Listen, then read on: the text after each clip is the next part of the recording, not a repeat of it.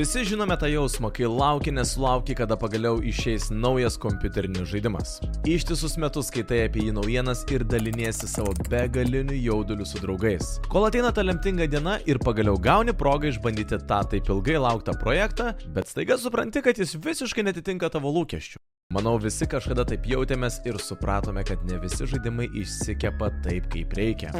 Kai kurie projektai atsigauna nuo starto ir tampa populiariais hitais, kiti taip niekada ir neatsipeikėja po savo sunkios pradžios. Žaidimų balsas pristato top 10 blogiausių video žaidimų startų. Dešimta vieta Assassin's Creed Unity. Atsiliepimai pasirodė greitai, veikėjams trūko veidų, žaidėjai vis krito keurai žemę, co-op funkcija neveikė kaip iš pradžių tikėtasi, na ir dar daug daug įvairaus komiško absurdo. Galima laisvai teikti, kad kompanija Ubisoft sukūrė savo nuosavą Frankensteiną. Žaidimo startas buvo toks nesėkmingas, kad galiausiai Ubisoft atšaukė sezono abonementą ir visiems įsigijusiems Assassin's Creed Unity DLC pasiūlė nemokamą produktą Uplay platformoje. Nors ir gražus poelgis, bet jis vis tiek niekada neužmaskuoja užmaskuos žalos, kurią Unity padarė Assassin's Creed legendai. Vis dėlto mes turėtume pripažinti, jog tai buvo pirmoji naujosios kartos AC serijos versija. Net šiandienos standartais Assassin's Creed Unity turi nuostabaus grožio pasaulį, kuris galėtų nustebinti daugelį šių dienų žaidimų gurmanų.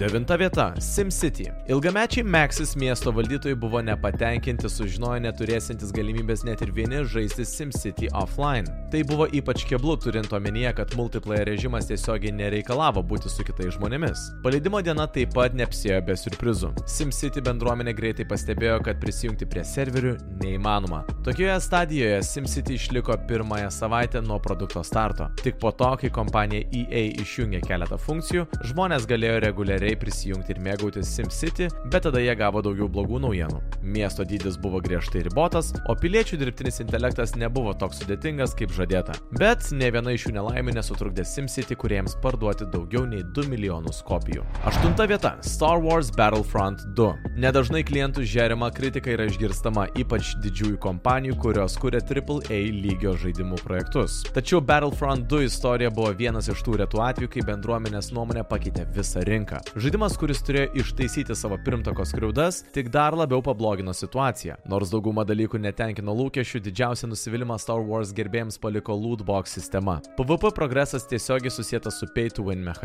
Tai leido visiems mokėjusiems už lootboxus įsigyti pranašumo prieš savo oponentus. Lootboxų sistema buvo taip blogai priimta viso žvaigždžių karų bendruomenės, kad net EA buvo priversta pakeisti visus mikropervedimus žaidime. Star Wars Battlefront 2 tapo gerų pavyzdžių, ko nereikėtų daryti su lootboxais. Septinta vieta - Battlefield 4. DICE multiplayer šaudyklės Battlefield 4 paleidimo problemų buvo daug ir įvairių.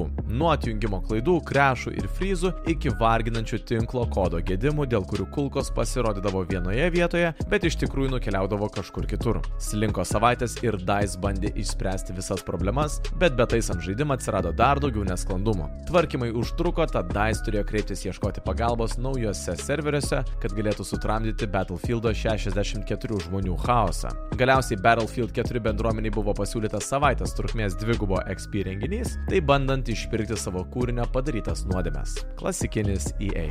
Šešta vieta - APB Reloaded policininkų ir nusikaltelių MMO 2010 metais skambėjo kaip kažkas visiškai neregėto. Daug kas mane, kad tai galėtų būti potenciali Grand Theft Auto priminanti multiplayer šaudyklės versija. Žinoma, visi klydo. APB vairavimo ir šaudimo mechanikos jautėsi pasenusios, žaidimas neturėjo jokio tikslo, dėl kurio būtų galima kovoti, o pats miestas buvo nuobodus ir tuščias. Real Time Worlds, kurie pranešė, kad jie žino apie visas problemas ir žadėjo visai bendruomeniai laikų bėgant jas išspręsti, bet šių pažadų jie taip ir neištesėjo. Išleidęs 100 milijonų dolerių žaidimo kūrimui, Real Time Worlds greitai pabėgo. Praėjus vos keliems mėnesiams po paleidimo, APB serveriai nustojo veikti 2011 metais. Bendruomenės prašymus serveriai buvo prikelti ir APB Reloaded tapo vėl prieinamas.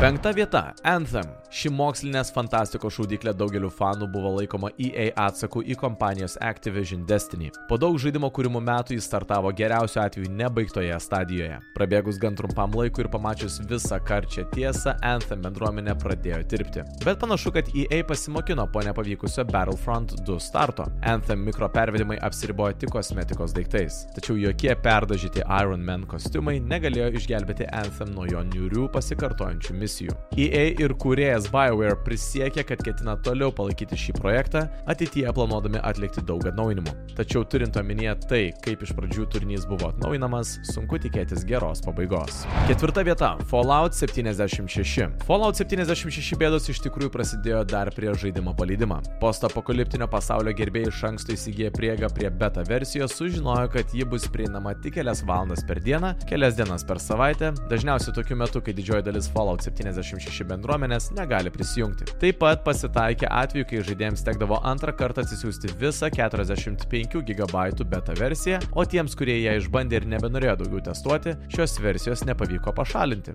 Paleidimo metu Bethesda bandė išsisukti perspėdama, kad gali būti įspūdingų trikdžių, o jų kildavo daug, tiek didelių, tiek mažų ir tai tik dalis problemų. PC versijoje trūko pagrindinių funkcijų - Direct Link, kuri leido į serverį prisijungti su draugais, teksto pokalbiai ir widescreen palaikymas. Taip pat žaidėjai negalėjo pasirinkti grafikos parinkčių, tokių kaip galimybė koreguoti FOV arba išjungti Motion Blur ir V-Sync. Kai kurios iš šių funkcijų buvo pridėtos po paleidimo, tačiau vis dar glumina tai, kad jos nebuvo įtrauktos pirmąją dieną. Be to daugelis gerbėjų, kurie iš anksto užsisakė 200 dolerių vertės Power Armor Edition, ją gavo vėlai ir Bethesda teko išleisti specialius kodus, kad būtų galima atsisiųsti savo žaidimą, belaukiant užsakymo pristatymo. Kai Bethesda kompensavo žalą savo didžiausiems fanams už šį nesusipratimą, jie skiria 500 atomų, tai yra 5 dolerių vertės Fallout 76 mikrotransakcijos valiutos. Beje, šios sumos nepakanka norint nusipirkti net pigiausius kosmetikos daiktus. Trečia vieta - Mass Effect Andromeda. Šis žaidimas yra vienas didžiausių 2017 metų nesėkmių. Po šio EA produkto išleidimo buvo sunaikintos visos tikimybės dar kada nors išvysti šios mokslinės fantastikos RPG kūrinį.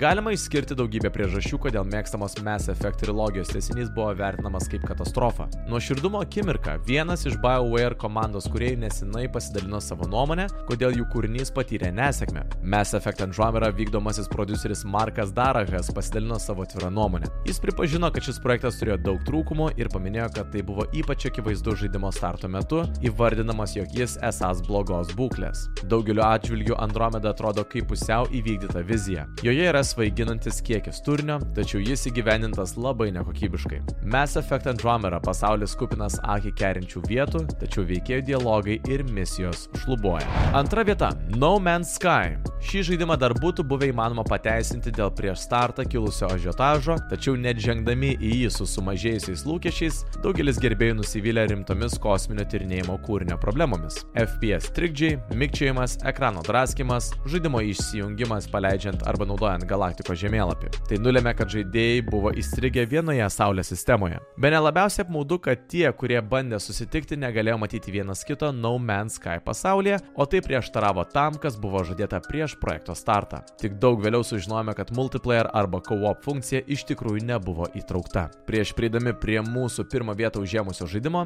štai pora kitų kūrinių su nepavykusiais startais. Evolve, Aliens Colonial Marines, Final Fantasy XIV, Duke Nukem Forever, Metal Gear Survive, Big Rigs Over the Road Racing. Pirma vieta - Cyberpunk 2077. Septyneri kūrimo metai ir milžiniško ažiotažo sulaukęs CD Projekt Red kūrinys Cyberpunk 2077 per pirmą savaitę tapo tikra pajoka tarp įvairių vaizdo žaidimų gerbėjų. Niekas nebūtų pagalvojęs, kad didžiausias metų kūrinys, kuriame vaidina Hollywoodo aktorius Keanu Reevesas, bus apipintas techninėmis problemomis ir grafiniais nesklandumais. Daugumos fanų piktis futuristinio veiksmų ir nuotikių pasaulio link atrodo tikras, juk Cyberpunk 2077 vos galima paleisti PlayStation 4 ir Xbox One. Dėl to Sony turėjo išbraukti CD Projekt Red kūrinį iš PlayStation parduotuvės. Netrukus po to Microsoft pažadėjo pratesti žaidimo gražinimo laiką. Nenostabu, kad dėl pražutingo Cyberpunk 2077 starto buvo pradėtas teismo procesas prieš CD Projekt Red Lenkijoje įsikūrusi Cyberpunk kurėja. Nepaisant visų šių trūkumų, Cyberpunk 2077 yra nepakartojamas futuristinis nuotykis, kuris susilaukė didžiulio kritikų palaikymo. Taip pat kuriai pavyko per 3 savaitės parduoti net 13 milijonų produkto kopijų. Ir skaičiai toliau auga. Tai ir visi prisvilę blinai, kuriuos norėjome pristatyti kiekvienam iš jūsų. Kas kart darydami iš ankstinius užsakymus žinokite, kad prisimate riziką. Kad ir kaip ten bebūtų, leidėjams svarbiausia yra uždirbti pinigus. O ir kreivai susuktas projektas, bet gerai išreklamuotas, gali nešti milžinišką pelną. Verslas yra verslas. Tad linkime kuo rečiau nusivilti, o žaidimų kuriems norime patarti - mažiau melo, godumo ir daugiau bendravimo su bendruomenė. Linkime visiems geros dienos ir iki susitikimo kitose mūsų laidose.